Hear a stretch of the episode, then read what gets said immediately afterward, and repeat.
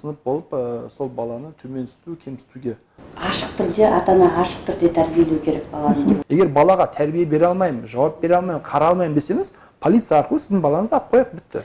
Бала тәрбиесі туралы кітаптарды оқуға кеңес береміз. Ондай әрекет жасамау үшін мектеп жұмыс істеу керек деген кезде сіз жауапкершілікті мектепке жүктеп жатырсыз а мектеп жасамады сол үшін мен осындай агрессивныймын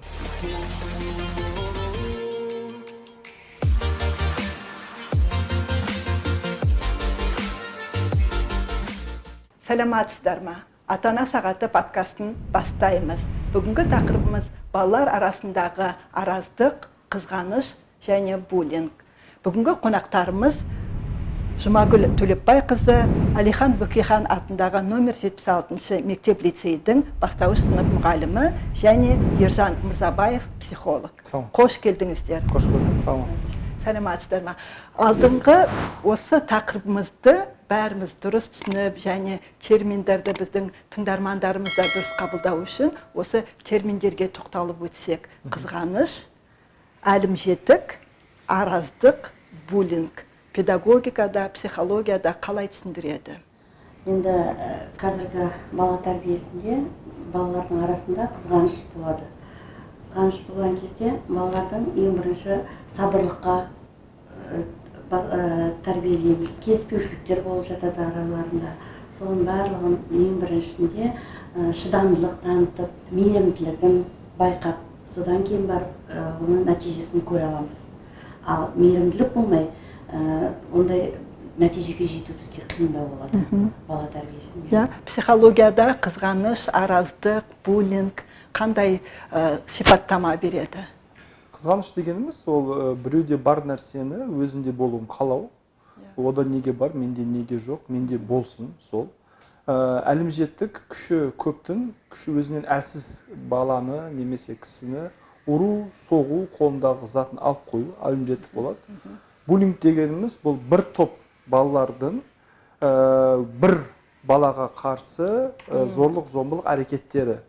Ол бірінші сөзбен басталады мазақтаумен басталады тиісумен басталады соғып кету ұрып кету затын алып қою одан кейін жалпы сынып болып сол баланы төменсіту кемсітуге апарады мысалға.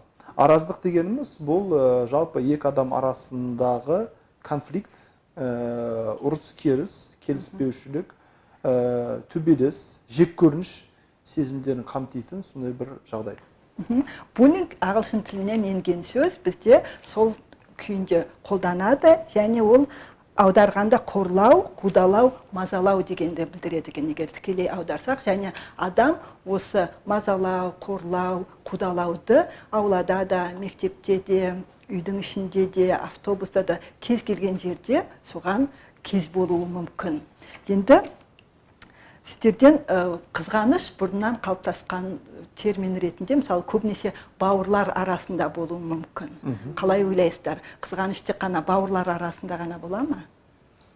Қызғаныш бауырлардың арасында да кездесіп жатады. Ал балалардың арасында да кездесіп жатады. Жаңа ержанымыз айтып кетті ғой менде жоқ сенде бар деген сияқты.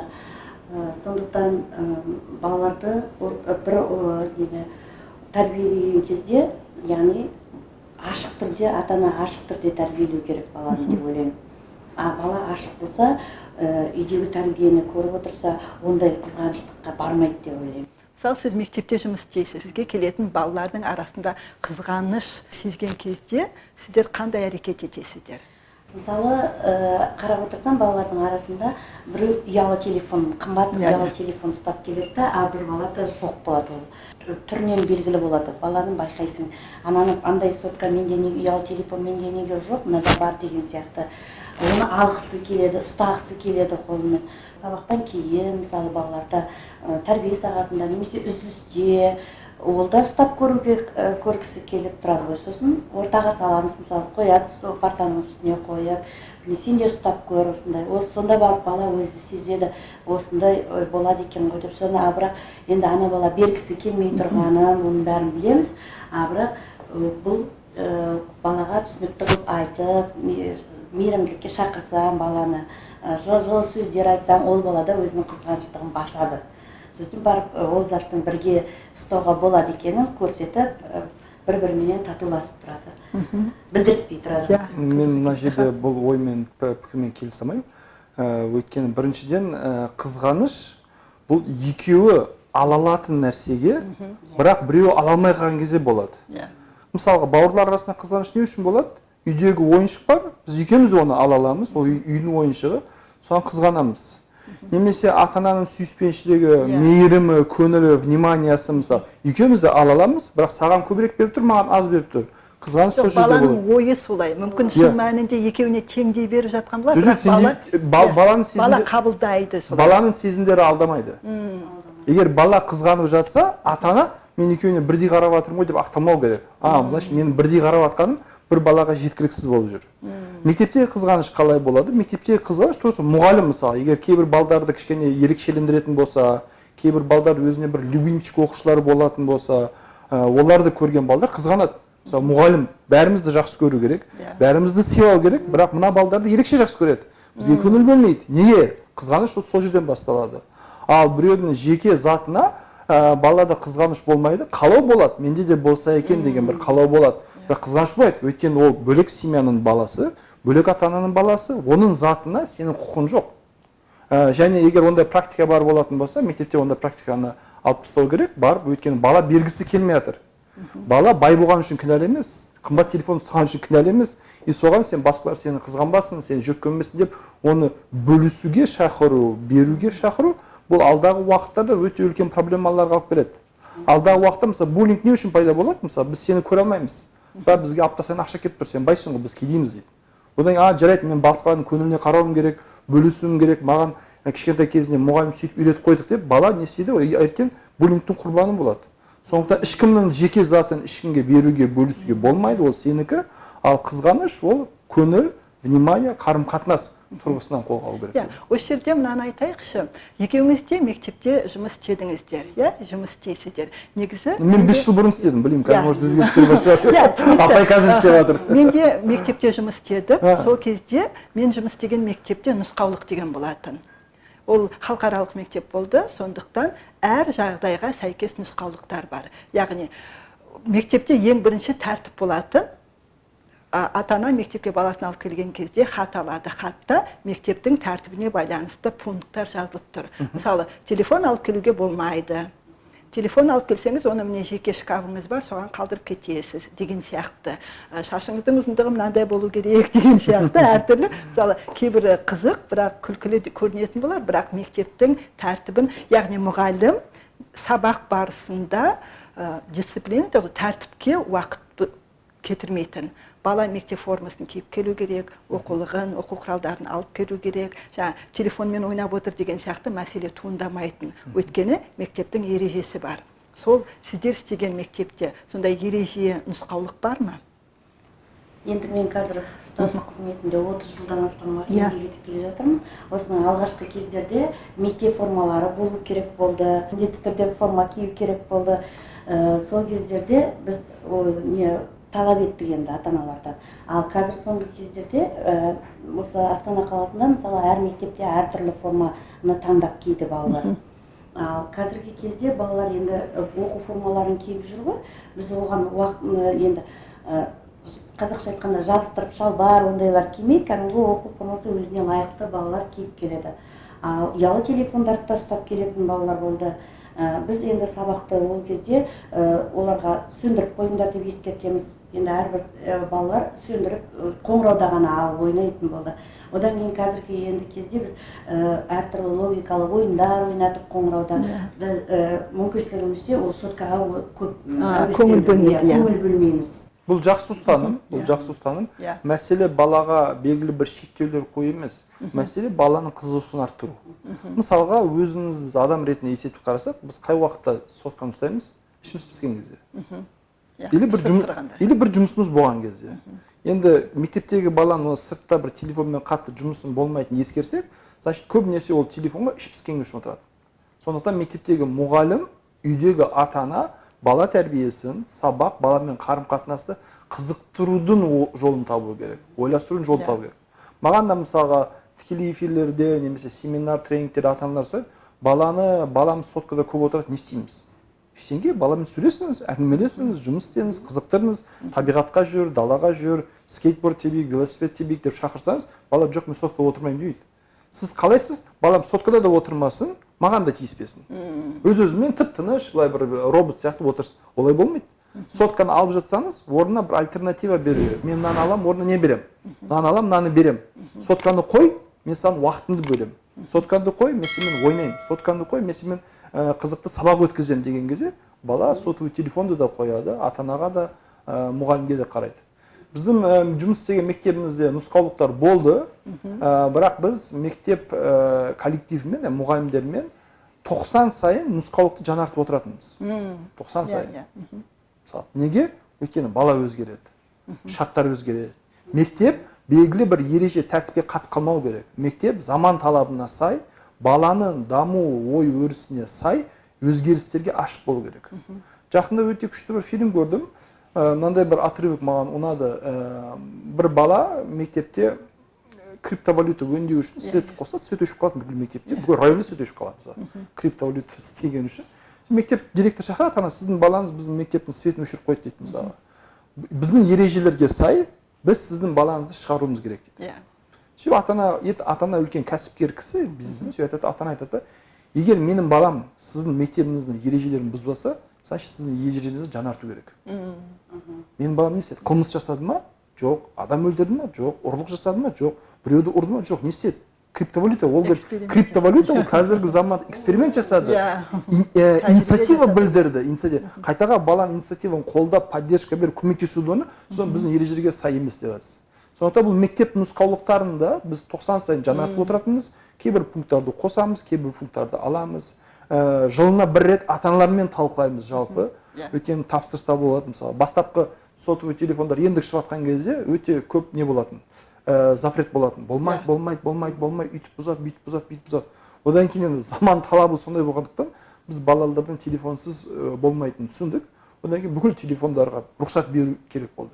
Рұқсат бердік. Одан кейін мектеп сынып ішіндегі ә, сабақ уақытындағы ережелерді қатайттық. Сабаққа қалай сотовый телефон? Ақыры сотовый телефон ұстағың келеді ме? Жарайды. Оны тек қана ойын үшін видео үшін емес сабақ үшін де қолдануға болады ғой. Сабақта қалай қолданамыз деп мұғалімдер ақылдасып кеңесіп соған қарап сабақтың форматын өзгертіп балдармен ә, бір волнада бола алдық. Мысалы менде бастауыш сыныптың балалары ә, ата аналары шықтың ба кірдің ба сол үшін ғана пайдаланады ал балалар артық оны пайдаланбайды. Ал егер де қатты ойнағысы келіп бара жатқан балалар болса біз ата аналарына ескертеміз. Ата аналар мұғалім оқушы болып бірге бірігіп жұмыс істейміз. Нәтижесін көреміз.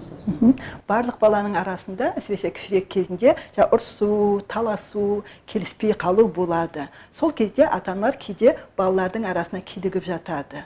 Осы кезде мұғалім психолог ретінде қандай кеңес бересіздер? Не істеп жатады? Килігіп жатады. Ата аналар мысалы балалар бір бірімен ұрысып қалды делеге араздасып қалды келіспей қалды. Балалар өз проблемасын өздері шеше алады. Бірақ баласының солай біреумен ұрысып қалғанын естіген ата анасы араласып А. жаңағы балаларға араласып өзінің пікірін айтып ата аналар бір бірімен ұрысып кетіп деген сияқты э, ситуациялар болып жатады. Сондай кезде сіздер ата анаға қандай кеңес бересіздер? Педагог ретінде психолог ретінде? Ең бірінші мысалы ондай ә, нелер болып жатады. Мысалы балалар келіспей қалды дейді да мұғалімге айтпай мен мысалы сыртта қалып қоямын да ата ана өздеріменен қазір группа бар ғой Иә, иә. сонда ә, келіспей жатады. Иә. сосын мен е- таңертең ес- естіген кезде балалардың балалар уже ұмытып кетті. Иә. Олар балалар баланың ісі деген шала дейді ғой. Былай қарап отырсам балалар ұмытып кетеді да ата аналар әлі ұрысып жатады. Естимін оны. Ондай ондай кезде ата аналар мектепке де келіп жатады айқайлап ашуға ашу үстінде келеді. Сол кезде ең бірінші сабыр сақтап ә, байсалдылықпенен ата ананы жақсылап қарсы алып түсініп содан кейін ә, баланың екі баланың арасындағы жағдайды біз өзіміз келісіп алғаннан кейін көріп тұрмыз ғой енді балалардың не істеп түсін- түсіндіріп алғаннан кейін барып ата ана өз сабасына қайтадан түседі.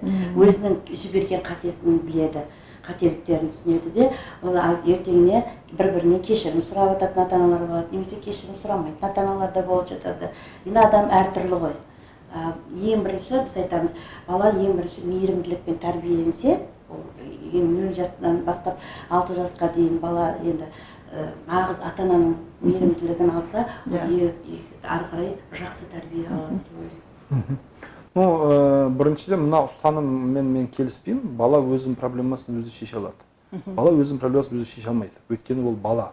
Не то что проблемасын шеше алады өз өзіне жауап бере алмайды. сол жерде мысалы иә таласты делік иә? Ұмытып кетті де қайтадан татуласып ойнап Иә. жатыр. Кейде ата аналар тым көп баласын қорғаштап па иә жалғыз бала болған соң соның жағдайын ойлап кейбір менің баламның істегені дұрыс деп кетуі мүмкін ғой. Қа- қазір ә, баланы қорғаштау керек. Қазір баланы аяу керек. Мысалға бұрынғы совет үкіметі кезіндегі білім жүйесін түсіндірген кезде біздің ата анамыз не дейді? мысалға біздің ә, біз мектепте мұғалімнен таяқ жесек үйге келіп ата анамызға мұғалімнен таяқ жедік деп айтсақ жоқ айтсақ ата анамыздан таяқ жейтінбіз. Мұғалім сені ұрса значит ты заслужил значит сен кінәлісің сен өзің соған ә, тап болдың міне саған тағы бір шапалақ беретін еді да мысалы сөйтіп осы күлкімен біз еске аламыз. бірақ қазір мен психолог ретінде қалай қарап тұрсам бұл кәдімгідей бала психологиясына травма. Яғни бүкіл бүкіл әлемде баланы қорғайтын ешкім жоқ значит. мұғалімнен көрген қорлықты айтып жатқан жоқпыз. Екі бала қай жердегі бала? Мектептегі бала үйдегі бала мейлі аулада болсын мектепте үзіліс кезінде болсын бір нәрсеге келіспей қалды. Иә? Екеуінің келіспей қалғаны енді біреу жеңіліп қалды ғой біреу Иә, жеңді. иә, иә. үйге келді де айтты анау бүйтеді мынау сөйтеді деді сол ара сол аралықта мына жаңа кісі мұғалім айтқандай ата ана бір бірімен ұрысып кеткен ғой балалар ұмытып кетті өздерінің проблемасын. Жоқ жоқ жоқ мына жерде мынандай қарама қайшылық бар. Иә. егер бала сол жерде ә, бір нәрсеге ә, спорласып қалды Иә. ұрысып қалды одан кейін достасып ұмытып қалған болса бала оны үйде А, айтпайды. айтпайды. Егер бала айтып келе жатса значит проблема шешілген жоқ. Немесе проблеманы шешу жолы балаға ұнаған жоқ. Мүмкін анау е болды беріңкі кет бар деген кезде иә деп үндемей қалған шығар төбелес жоқ ұрыс жоқ бірақ баланың ішінде обида қалып кетті реніш қалып кетті бұл реніш кімге айтады? Баланы қорғай алатын тек қана ата анасы бар сол кезде ата анасыға айтады ата ана сол кезде енді оның дұрыс шешу алгоритмі ең бірінші мектепке бару. Мектепке мұғаліммен сөйлесу. Үзіліс кезінде менің баламды ана бала ойыншығын алып қойды ручкасын алып қойды бір нәрсесін таласып қалды. Балам соны ренжіп қалды. Ол үлкен адамдар үшін балдардың проблемалары пустяк болып көрінуі мүмкін е не болды сонша кішкентай балдар ғой деп. Бұл өте үлкен қателік. Өте үлкен қателік. Біз кішкентай кезде балдардың проблемаларына немқұрайлы қараймыз. Балдар кішкентайынан өзінің проблемаларын өзін шешуге үйренеді үйренеді үйренеді.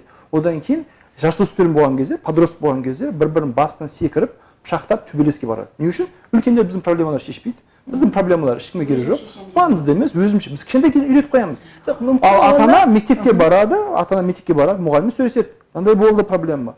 Мұғалім а сондай ма? Қазір камерадан қарайық дейді. Камерадан қарайды жақсы біз бұған байланысты жұмыс істейік дейді. Болды. Одан кейін екеуімен уже мектеп ішіне сынып ішіндегі татуластықты бауырластықты арттыру бойынша Иә, іс иә, шаралар иә. ұйымдастырып істейді. Егер қайталанатын болса тура сол қайталанатын болса онда не істеу керек? Мұғалім бұны көрген болса екі ата ананы шақыру керек. Уже ана баланың ата анасына ескерту жасау керек. Балаңыз үйде агрессия көріп жатыр ма төбелес көріп жатыр ма? Неге балаңыз соншалықты агрессивный? Неге сіздің балаңыз басқа балаларға тыныштық бермей жатыр неге қор қойып жатыр? Психологқа апарып емдеу керек баланы да емдеу керек ата ананы да ал емдеу егер керек. ата ана келіспесе ше? Қалай келіспейді полиция арқылы жауапкершілікке шақыру керек. Заң бар ғой? Иә. балаға қарай алмайды осындай бір балаға қарай алмайтын кезде ә, орган опеки бар олар сіздің балаңызды алып қояды. Мен балам осындай не істейсіңдер осы егер балаға тәрбие бере алмаймын жауап бере алмаймын қарай алмаймын десеңіз полиция арқылы сіздің балаңызды алып қояды бітті жоқ мәселе ол қарай алмағанда емес мынандай бір ситуация болды. Фейсбукте оны ата аналар жазды. Балалар бастауыш мектепке баратын ата ана айтады. «Ә, сыныпта спортпен айналысатын бір қыз бала бар.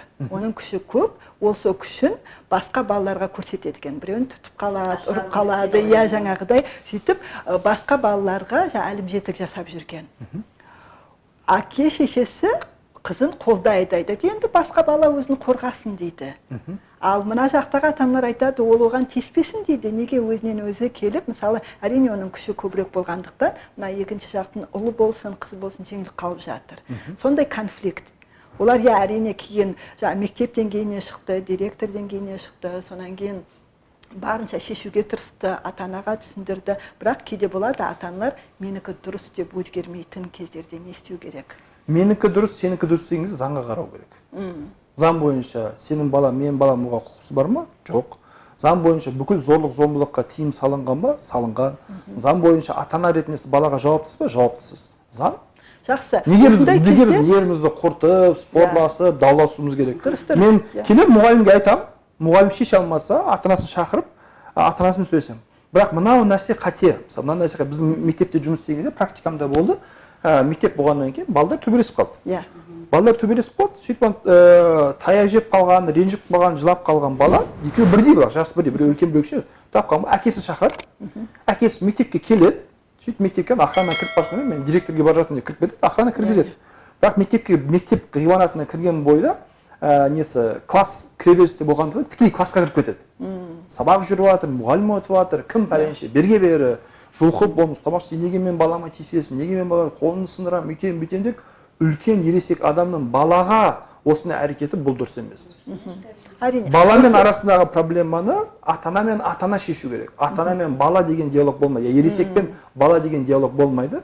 Сол үшін біз ол ата ананы өте ә, қатаң түрде ескерту жасадық. Оның жұмыс орнына мектептің атына ресми хат жібердік. Оны дисциплиналық жауапкершілікке тартылды. Сіздің осындай осындай қызметкеріңіз келіп біздің мектепте осындай осындай жасап жатыр. Бұл ешқандай мемлекеттік қызметкер этикасына сай емес соған байланысты шара қолдануыңызды талап етеміз дедік одан кейін жан жақтан қысым көрсетілгеннен кейін осындай ата ана осындай әрекет жасамау үшін мектеп немесе психологтар алдын ала ата аналармен жұмыс жүргізу керек қой насихат жүргізу керек па білмеймін ғой түсіндірме жұмыстарын кім жүргізу керек жасамау үшін емес ондай әрекет жасамау үшін мектеп жұмыс істеу керек деген кезде сіз жауапкершілікті мектепке жүктеп жатсыз а мектеп жасамады сол үшін мен осындай агрессивныймын ол емес мектеп жасаса да жасамаса да әрбір ересек адам әрбір ересек адам өз іс әрекетіне жауап беру керек. Ешкімге зорлық зомбылық әрекеттер жасау құқы жоқ. Бұл бір. А мектеп тарапынан ондай нәрселер жалпы іс шаралар жасалыну керек па? Жасалыну керек. Иә. үйретілу керек па? Үйретілу керек. Істеу керек па? Істеу керек. Біз мектепте жұмыс істеген кезде мен как раз ол кезде педагогика психология мамандығы бойынша магистратураны бітірдім. Үш жыл тағы да мектепте жұмыс істедім. Жеке практикаға кетпестен бұрын.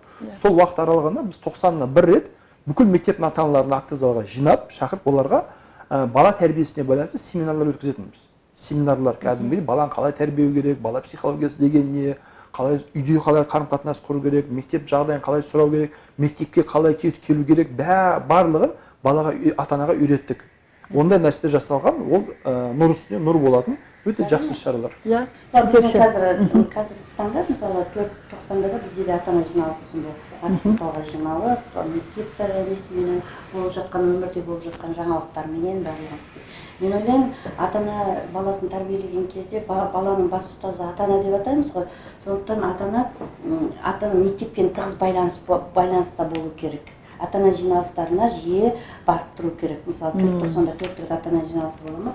Ата ана міндетті түрде бару керек. Сонда баласының кіммен отыратынын кіммен сөйлесетінін кіммен дос екенін кіммен қарым қатынаста жасайтынын сонда жақсы біледі. Ал қазір бізде кейбір мысалы біздің өмірімізде болып жатады ата ана жиналысына келмейтін ата аналар болады. Ал мұғалімнің ескертуін ес- ел- елегісі келмейтіндер болады. Біз баламызды мектепке жіберіп жатырмыз болды білім алып жатыр мектепте деп мұғалімге барлық нені мектепке мұғалімге жауапкершілікке тартып итеріп қояды итеріп қоя салады да. Ал енді бала келгеннен бала бірдеңені бүлдіріп қойып естісе естісе жаңағы сіз айтқандай ата ана ашуланып шыға келеді.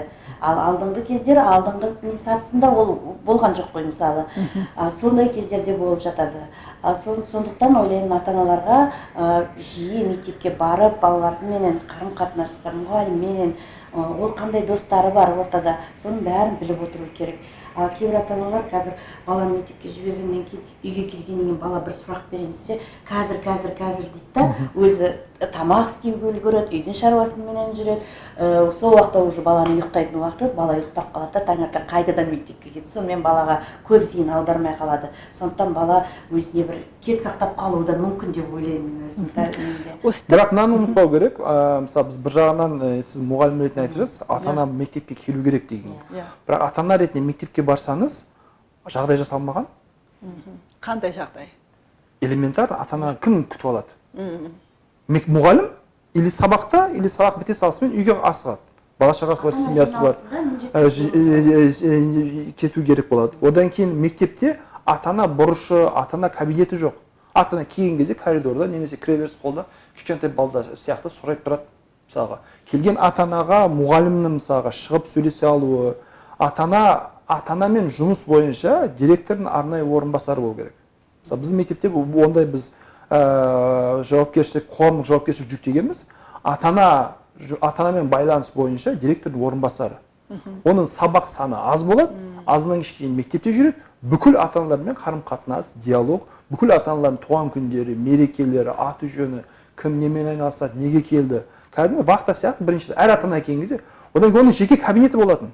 Осы жеке кабинет әр ата ана келген кезде есік алдына тұрмаңыз келіңіз ішке кіріңіз Иә. шай ішіңіз су ішіңіз отырыңыз әңгімелесіңіз балаңызды осы жерде күтіңіз деп ба- ата ана мектеп ата анаға жағдай жасаса ата ана бара береді әйтпесе барасың зауч жиналыста директор ә, обланоның горононың жиналысында мұғалім сабағында ана кіреберістегі вахтамен техничкадан басқа ата ананың бетіне қарайтын адам жоқ. Мен бірнеше рет мектепке барған кезде кәдімгі ата ана мектепке бар егер мектепте жағдай жақсы болса баланың халі жақсы болса ата ананың мектепке барудың қажеті де жоқ қой. Қажеті де жоқ емес ә, бұл ата ана үшін пайдалы. Өйткені ертең көп ата аналар мынаған шағымданады. Әсіресе ә, жасөспірім жасқа шаққа келген кезде подростковый шаққа келген кезде баламен не туралы сөйлесетінін білмеймін дейді. Жоқ общий темаларымыз конечно болмайды баланың өмірін білмейсіз ғой. Ал мектепке барып баланың өмірін білетін болса апайымыз айтқан досы кім класстасы кім қандай сабақ қандай мұғалім не жасадыңдар қандай жарыс болады? Сол тұрғысынан е бүгін осы аптадағы анау сурет салудан жарыс не болды кім бірінші болды сен қатыстың ба? Оны білмесе ата ана сөйлесе алмайды оны сұрай алмайды. Ата ананың мәселесі болып тұр ғой осында сен емтиханың бар еді ғой қалай тапсырдың? Емтиханың бар екенін білмесе айта алмайды. Мектепке кіріп хабарландыру тыңдап а мынандай квн болайын деп жатыр екен ғой сен қатысып жатрсың ба? Дайындалып жатрсың ба? Демесе хабары болмайды. Сол үшін бұл ата ана үшін ең бірінші пайдалы.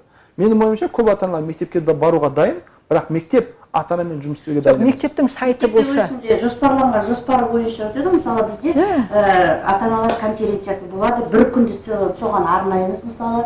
Біз ә, сенбі қазіргі енді жағдайға байланысты мысалы ата аналардың уақыттарын жаңартылған білім мазмұны бойынша мысалы біз қазір бір сенбіде мысалы ата аналар конференциясын өткіздік па таңертеңнен кешке дейін мұғалімдер сенбіде бос қой қазір. Иә. келеді баласының жаңа жұмыстарын алдыңғы сабақтарда барлық жұмыстарымен танысады пікірлеседі Ә- әр ата анамен жеке жеке жұмыс жасаймыз. Ал енді өкінішке қарай кейбір ата аналар соған да үлгермей жатады. Ол енді жұмыстың өмірдің ағымы ғой. Ал енді жаңағыдай жеке кабинеттер мысалы ата аналар бұрышып мысалы біз өзімізде бар мысалы жұмыс жасап жатырмыз ата аналар өте жақсы. Осы жерде мысалы сіздерге бастауыш сынып оқушыларымен қандай проблемалар болады? Бүгін көтеріп отырған мәселеге байланысты буллингке байланысты ә, балалар араздық жаңағыда ұрсып керісу таласуға байланысты балалар жиі қандай нәрсеге шағымданады? Ә, мен енді жаңа айтып жатырмын ғой осы ұстаздық жолында еңбек еткенімде ә, балалардың арасында ондай үлкен бір дау туғызатындай ондай немде өмірімде ұстаздық жолында ондай кездеспепті. Ал балалардың арасында жаңағыдай келіспеушілік болады енді. Бір менікі бірінші сыныптан төртінші сыныпқа дейін кішкентай балалар ғой енді. Көбінесе ата аналармен де жұмыс жасаймыз балалармен де жұмыс жасаймыз. Ондай ә, бір айтарлықтай ауыз толтырып айтарлықтай қиындықтар болған жоқ келіспей қалады. Менің пеналымды алып лақтырып жіберді анау деп бір ы, борс торсиып кетіп тұрады балалар. Ал енді ә, балалардың өздеріне салсаң қазіргі неде балалар барлық қиындықтан өздері алып шығады. Тәрбие сағаттарын өткізуді ұйымдастыруды барлық жағынан балаларға сенім арта білу керек. Мен мысалы сенім артсам сені ы, сені қандай осы жерде көргім келеді? Сені осы рөлде ойнағыңдан біліп тұрып сен сабақта осындайды қазір мынаны көріністі қойсақ сен сөйтсең балаға өзіне ерік берсең бала барлық қиындықтан сосын ортада өздерін шын несімен ашылып сөйлей алады. Кәдімгі өз ойын жеке жеткізе алады сабақтың басында мысалы мен өз тәжірибеммен сабақ бір сабақты бастайтын болсам мен өзімнің өмірімнен айтамын мысалы өзімнің кішкентай кезімдегі мысық баққанымды күшіктерімді нелерімді айтсам олар үйіп тыңдап отырады да ары қарай әр бала өзінің өмірін соған сәйкестендіріп айтып кетеді айтқысы келіп тұрады да содан кейін қоңырауда байқаймын бір біріне деген жаңа айтылмай қалған әңгімелерін өздерінің ойларын бірге жеткізіп топ топ болып әр бұрышта отырып өздеріне айтып жатқанда. Сонда мен өзім ойлаймын баланы ең бірінші тәрбиелеген кезде ә, яғни мен сенің сенім артамын мен сені жақсы көремін деп балаға өзіне сенім артсаң нәтиже шығады деп ойлаймын. Ал ондай ә, қатты жаңа сіз айтқандай бір келіспеушілік ондай туындаған жоқ деп мысалы психологтарға сіздерге ата аналар қандай мәселелермен хабарласады? әсіресе бастауыш сыныптың оқушыларына байланысты. Ә, бастауыш сыныпта жалпы мынау буллинг одан Иә. кейін әлімжеттікті Иә. көбінесе ә, бесінші алтыншы класстан басталады. Яғни жасөспірім кезеңге Иә. переходной өте бастаған он кезде екі жастан жиі иә? кездесетін кездесер. Бастауыш мектептерде онда бір әлімжеттік ә, одан кейін жасау өте аз болады. Өйткені балдар әлі кішкентай Иә. өз өзіне бір толық сенімділік жоқ. Одан кейін ә, бір мұғалім әрдайым қастарында бір мұғалімге тәуелді. Одан кейін бала кішкентай болған кезде ата аналардың ә, баланың оқуына біліміне сабағына жауапкершілігі де көбірек болады. Көбірек өскен сайын уже сабағына араласпай қояды мектебіне бармай қояды көп уақыт өткізбейді. Бірақ бастауыш мектептерде бұндай проблемалар әлімжеттікке байланысты проблемалар көп кездеспейді кездеседі ал үлкен сыныптың балаларының жоғары сыныптың балалардың кішірек балаларға әлімжеттігі бола ма Ол болады болады болады ол орта орта буын жоғары буын яғни бесінші сегізінші класс тоғызыншы он бірінші класс аралығындағы балдарда ол жерде жиі кездеседі көбінесе немен байланысты ол ақша сұрайды ақша сұрайды телефон сұрайды одан кейін асханада зат алдырады тамақ алып бер пирожки алып бер су алып бер шоколад алып бер деген нәрсе жасайды. Одан кейін ә, жалпы андай ә, қызық болсын деп мазақтайды. Олар алады да. Осы мазақтау туралы иә айтып кетіңіз. Мазақтауды мысалы бастауышта да болады ғой иә мазақтау деген. бірақ сол мазақтаудың дұрыс емес екенін балаларға қалай түсіндіруге болады? Әлде бұл кей сәттерде бола ма мазақтау мысалы бірін бірі болмайды ғой иә сол болмайды. кейбір сәтте болады бірін бірі мазақтап жатқанда ал сен соны көрдің ба? Сен солай деп ойлайсың ба? Соны сен айтқан сөзің сол рас деп ойлайсың ба? Деп былай балаларға өзіне қайтадан жаңағы мазақтаған балаға сұрақ қойсаң ол ойланып қалады ойланады да мен неге айттым? деген күйге это, сосын мұғалім кешіріңізші екінші рет қайталамаймын деп тұратын кездеседі балалардың. Әрбір зорлық зо- бұл да мазақтау жаман сөз айту әрбір қателіс әрекеті ә, мектеп қабырғасында және отбасыда дереу шектеу қою керек. Иә. Не дедің не дедің Иә. олай айтуға болмайды. Кәдімгі орнына оның орнына қандай сөз қолданасың? Иә. мынаны қолданасың? Одан кейін көбінесе жаман сөз бір эмоцияның шығарылуы болады ғой. Балдарға өз эмоцияларын дұрыс шығаруды үйрету керек. Қалай үйрету керек? Не, не айтып үйрету оған оған ә, эмоциональный коучинг деген психологияда термин бар эмоциялық коучинг. Біріншісі баланың эмоцияларын ә, қабылдау. Бала болған ашуланады ұрсады қуанады ренжиді. Вполне нормальный нәрсе. Біз үлкендер не істейді? Ашуланса ей сен кімге мінез көрсетіп жатрсың кімге мінез көрсетіп жатрсың кәне біз эмоция көрсетпе деп жатырмыз. Иә. Ренжіген кезде ту ренжіп қалдың ба не? Болды мен сені жақсы көрмеймін ондай болса балаға даже ренжуге мүмкіншілік бермей жатырмыз біріншісі ата ана біріншісі ата ана баланың эмоция қабылдау керек. Екіншісі эмпатия көрсету керек. Яғни мен баланың орнында болсам не істейтін едім? Өзіңізді орнына қойып сізді әр ересек кезінде бала болған. Иә. Бірақ ешбір бала ересек болып көрген жоқ. Сондықтан біз көбінесе баладан бізді түсінуін кү- күтеміз. Ту балам қойшы қазір мазам жоқ дейміз. Сен мені түсін менің кредиттерім бар қарыздарым бар жұмыстан келдім бастығым бар миым ашып жатыр. Сен мені түсін деп жатырмыз да? Жоқ бала түсіне алмайды. Біз бүкіл проблемаларымызды ұмытып баланың деңгейіне эмпатия көрсетуіміз керек. Үшіншісі ә, баланың эмоцияларына дұрыс ат қою керек. Сен қазір ренжіп тұрсың ғой иә? Сен қазір ашуланып тұрсың ғой иә? Мен сені түсінемін. Сенің орнында болғанда мен де ашуланатын едім. Бұл вполне нормальный нәрсе. Бұл сезімдер бұл эмоция дұрыс нәрселер. Анау саған сені жарысқан кезде озып кетті сен соған қатты ашуландың оза алмағаны үшін иә? Иә сіз баланың эмоцияларын дұрыс сөзбен жеткізіп түсінгеніңізді көрсетсеңіз бала сізге бір қадам жақын болады. И үшіншісі ә, төртіншісі баланың эмоцияларын қабылдаймыз эмпатия көрсетеміз атын атап береміз. Сонымен қатар определенный лимиттер қою керек. Жақсы мен сені түсінемін сенікі дұрыс осындай эмоциялар әбден болуы мүмкін. Бірақ сен мына әрекет істеген дұрыс емес. Яғни логика мынандай. Любой эмоцияны қабылдауға болады бірақ любой әрекетті қабылдауға болмайды. Ашулансаң дұрыс ашулан. Бірақ ашуландым деп ұруға соғуға боқтауға сындыруға болмайды. Оның орнына не істейміз? Ашуланған кезде спортпен айналысамыз жүгіреміз тұрамыз жүрг- жүргіземіз. Андай саморегуляция эмоцияларды регулировать етуді техникаларын балдарға үйрету керек. Сөйтіп өзі успокаиваться етеді да. и осы жерде бір нәрсе шығады тағы да жеңіле білу. Кейде балалар жеңіле білмейді де мысалы ол ылғи бірінші болу керек бірінші орын алу керек жеңу керек. Бірақ жеңіліп екінші үшінші болып қалса я болмаса орын алмай қалса бұл трагедия бала үшін. Қалай баланы жеңілісті қабылдай алуға үйретуге болады? Жарыстырмау керек. М. жоқ енді жарыстырмағанда да өмірдің өзі жарыс болып тұрғанда. Өмірдің өзі жарыс бірақ Иә. сіз өмірге келген кезде соған дайын болып келесіз. Ал бала әлі дайын емес. Сондықтан мүмкін болғанша балда, балаларды әсіресе қыз балдарды әсіресе қыз балдарды сабақта мектепте отбасының ішінде бір бірімен жарыстырмау керек. Жарыстырмау керек сосын бір біріне не істемеу керек жаңағыдай. Ә, анаған қарашы мысалы ана балаға Салыстырмау. иә, салыстырмау керек. Иә жақсы салыстырма. онда байқаулар ше түрлі конкурстар өтіп жатыр байқаулар болып жатыр олимпиадалар болып жатыр жарыстар болып жатыр сонда не істеу керек? ол жерде бірдей ғой адамдардың деңгейі. Мысалға математиктер бәріміз. математиктер. Мысалы класста математика өте жақсы білетін екі бала бар. Сіз бүкіл класста математиканы жарыстырсаңыз екі бала әрдайым бірінші бола береді қалғандары әрдайым жеңіле береді. Бірақ сен математиканы күшті білесің ба ұнатасың ба жақсы ал жүр біз сені олимпиада олимпиадалық резервке қосайық. Ал жүр біз сені мектепше жарысқа қатыстырайық. Сол жерде өзің біліміңді сынай бер. Сіз ә, бір іс шараға жарыс болып жатқанын біліп дайындалып бару бір бөлек ал күнделікті өмірде өзіңіздің ол- құрбыларыңызбен әрдайым жарысып тұру бұл бір бөлек. Бұл жерде адам жарыстардан жеңілуден ұмыт ол жарысқа жерде барғанда өзі қатарлы адамдармен барып тұрған бірдей тең деңгейдегі бірдей.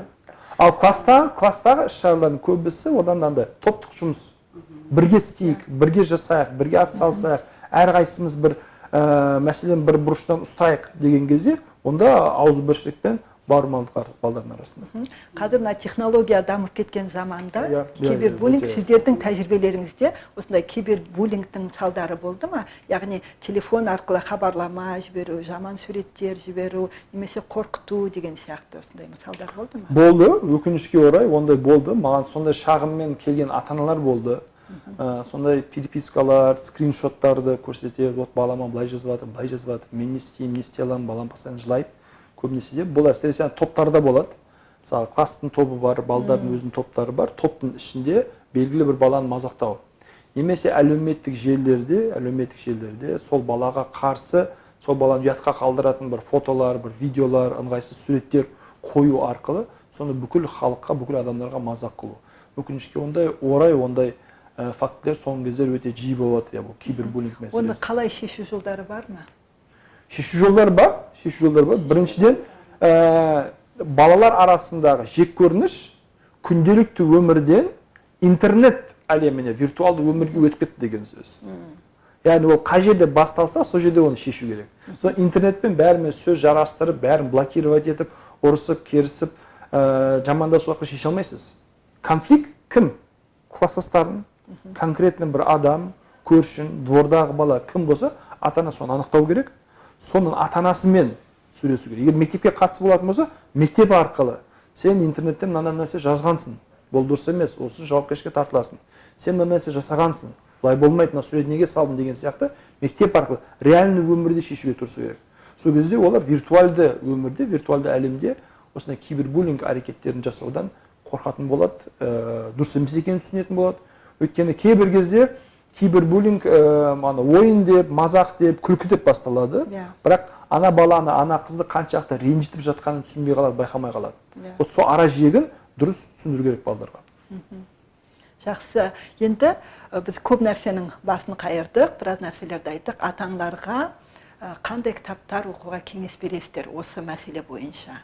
Әлімжетік болсын қызғаныш болсын буллинг болсын соңғы кезде өте көп кітаптар шығып жатыр кеме мысалы он кітап деңгейінде деген кітаптарды көп мысалы бала тәрбиесі туралы кітаптарды оқуға көп кеңес береміз. Кітаптар өте көп шығып жатыр. Жоқ нақты мысалы мынау сізге жақсы ішінде мысалдары бар дегендей. Бала тәрбиесі психологиялық ә, тәрбие туралы кеңестер психологиялық кеңестер туралы кітаптарды оқуға болады. Джон готманның жақсы кітабы бар. Джон готман атақты отбасылық психолог. Соның ә, эмоциональный интеллект ребенка деген кітап бар. Баланың эмоциялық интеллектісін дамыту бағанағы айтқан эмоциялық коучинг қалай жасау керек баланың эмоцияларын қалай басқару керек шығаруды қалай үйрету керек. Соны мен өте жақсы кеңес беремін. Ішінде өте күшті практикалық тесттер бар жаттығулар бар ә, жақсы мысалдар бар. Соны егер әрбір ата ана практиковать ететін болса онда балалар бір біріне әлімжеттік жасамайды буллинг жасамайды мазақтамайды төбелеспейді. Неге? Өйткені ішіндегі эмоцияларды қадағалауды үйренеді. Барлық нәрсе эмоцияға тіреледі. Қазір енді ақпараттың дамыған Иә. кезеңі ғой. Барлық интернетті бәрін ашсақ бала тәрбиесі туралы өте көптеген ә, жазбаларды э, кездестіруге болады. Өте жақсы. Рахмет сіздерге. Сонымен ата ана сағаты подкастын аяқтаймыз. Бүгінгі қонақтарымыз ержан мырзабаев психолог және жұмагүл төлепбайқызы бастауыш сынып мұғалімі. Сіздерге көп рахмет. Біраз әңгімені өте қызықты қылып айтып бердіңіздер сізге көп рахмет. Өте қызықты Иә. пайдалы күшті сұрақтар сұрадыңыз. Осындай маңызды тақырыптар көтеріп жатсыз сізге және жобаңызға сәттілік тілейміз. Рахмет. Болашақта тағы да бір екі рет өстіп кездесеміз деп сенемін. Сау болыңыздар. Still